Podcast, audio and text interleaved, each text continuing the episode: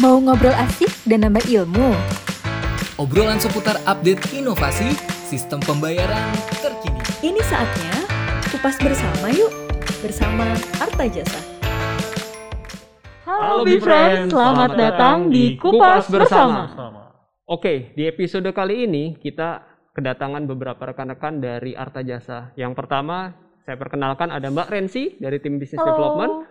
Yang kedua ada Mas Zaini Halo. dari tim Business Development dan saya sendiri Prapto dari e-commerce business. Oke, berhubung kita semua sudah menerapkan protokol kesehatan, jadi kita akan buka masker dan kita lanjutkan acara podcast kita.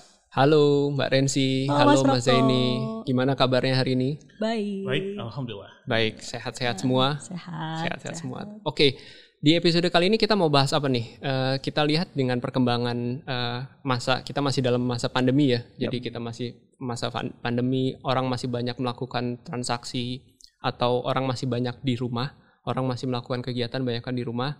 Kegiatan belanja belanja juga dilakukan by online ya pastinya.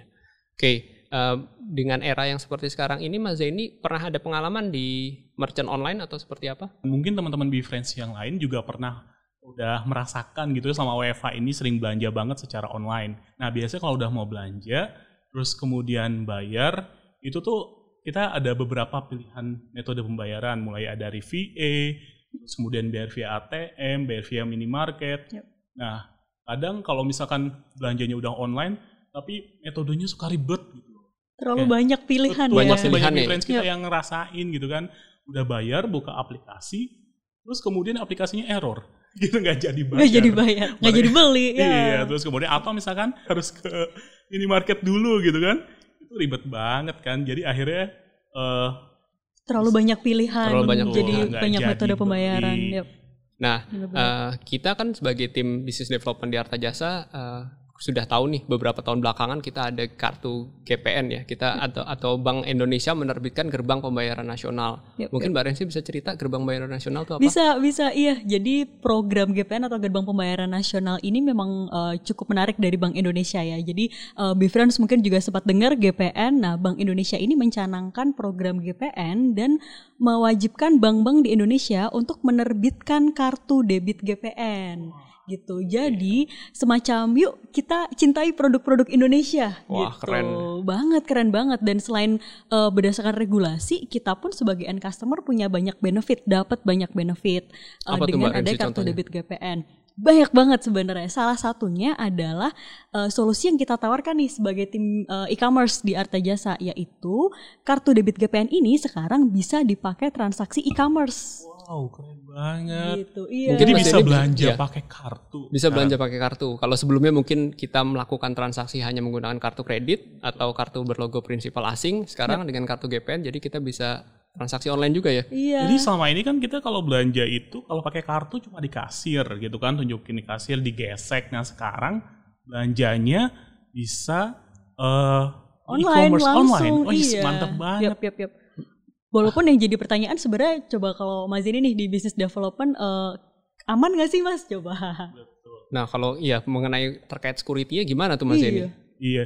Nah memang kalau selama ini jadi isu banget tuh kartu debit itu kan gaji kita, uang kita gitu masuk situ lah betul, ya. betul. Yap. Kalau misalkan eh di sini Bfriends bisa menggunakan kartu debit, terus kemudian eh, akan aman banget karena menggunakan fitur two factor authentication. Wah, apa tuh two factor authentication Mbak Rensi? Two factor authentication kayak kompleks banget ya. Ah, apa sih ini? Iya, Pakai gitu, istilah asing ribet, lagi ya? Istilah asing lagi. Iya, jadi eh, ini sudah cukup common nih di eh, worldwide gitu ya. Jadi prinsipal asing semua pakai kayak gitu. Credit card eh, kalau teman-teman biasa transaksi juga itu sudah normal. Jadi intinya menciptakan sistem yang aman dengan menggunakan dua faktor keamanan. Misalkan satu informasi kartunya Hmm. dan yang kedua adalah OTP atau kode-kode yang lain. Nah, di Be Secure atau yang layanan kita ini bersama Secure ya kalau Oke, tahu. jadi bersama Be Secure itu kepanjangan dari bersama secure ya. bersama secure bareng-bareng aman kayak nah itu adalah menggunakan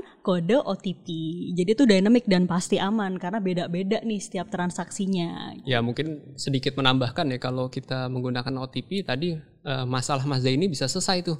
Kalau dari uang langsung ke debit semua enggak, tetap pasti ada autentikasi, tetap ada verifikasinya dulu nih. Jadi Hmm. ada faktor lain, baik itu modelnya pakai SMS ataupun model bentuk lain ya. Jadi Gitu. pasti aman lah ya. nyaman ya tapi ya tetap ya karena mudah ya Iya. Eh, dan itu hampir semua orang di dunia pun sebetulnya menggunakan metode ini kan ya jadi Nah, tiap mengenai masalah metode, bisa diceritain lebih jauh gak terkait user experience atau customer journey-nya kayak gimana sih? Eh, menarik nih sebenarnya gimana kalau kita coba ya jadi kebetulan aku ada Boleh, handphone boleh. nih jadi kalau nggak salah kita udah punya banyak banget merchant nanti mungkin Mas ini bisa melengkapi lebih lanjut ya tapi kita coba sekarang belanja pakai e-commerce langsung nih Oh. jadi aku kebetulan udah siapin aku udah mau belanja snack gitu Oke. Eh, kita tinggal check out. Jadi Oke. kita check out, terus kita pilih metodenya itu kartu debit GPN. Itu udah tuh simple banget. Kita tinggal masukkan informasi kartunya, sama ada expiry date dan tiga digit kartu di belakang. Nah, udah tuh. Jadi eh, sistem akan melakukan yang mereka biasa lakukan si teknologi-teknologi itu. Kita terima OTP, masukin OTP-nya, selesai. Oke, Gitu. setelah selesai berarti pembayaran sudah diberikan kepada merchant. Yap. Lalu kita sebagai end customer hanya tinggal menerima apa yang kita bayar tadi kan? Betul, Iya, keren betul. banget jadi betul. Jadi nggak usah lagi buka aplikasi, nggak usah lagi harus ke ATM, Nggak usah nggak usah lagi, nggak Nah. usah lagi jalan-jalan harus keluar gitu kan, transaksi langsung selesai.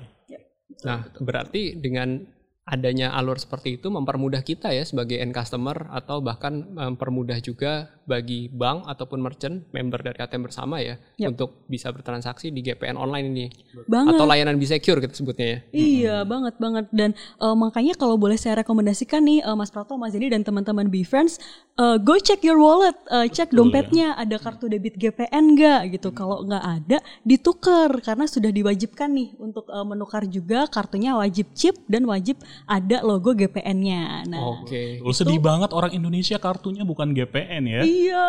Ya.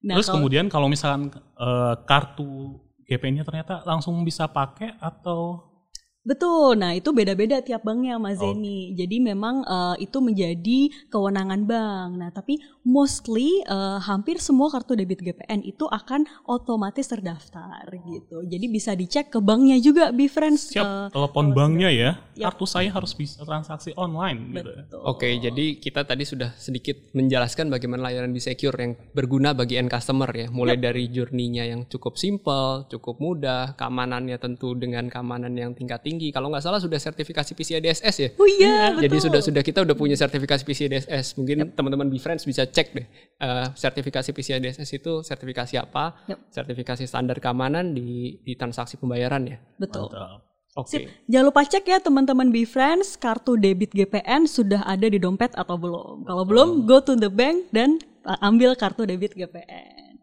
Oke, Mas Zaini dan Mbak Rensi, tadi kita sudah bahas banyak layanan B-Secure dari sisi end customer. Di next video kita akan bahas mengenai benefit buat merchant dan benefit bagi issuer. Oke, stay tune. Bye. See you, See you, bye-bye. friends.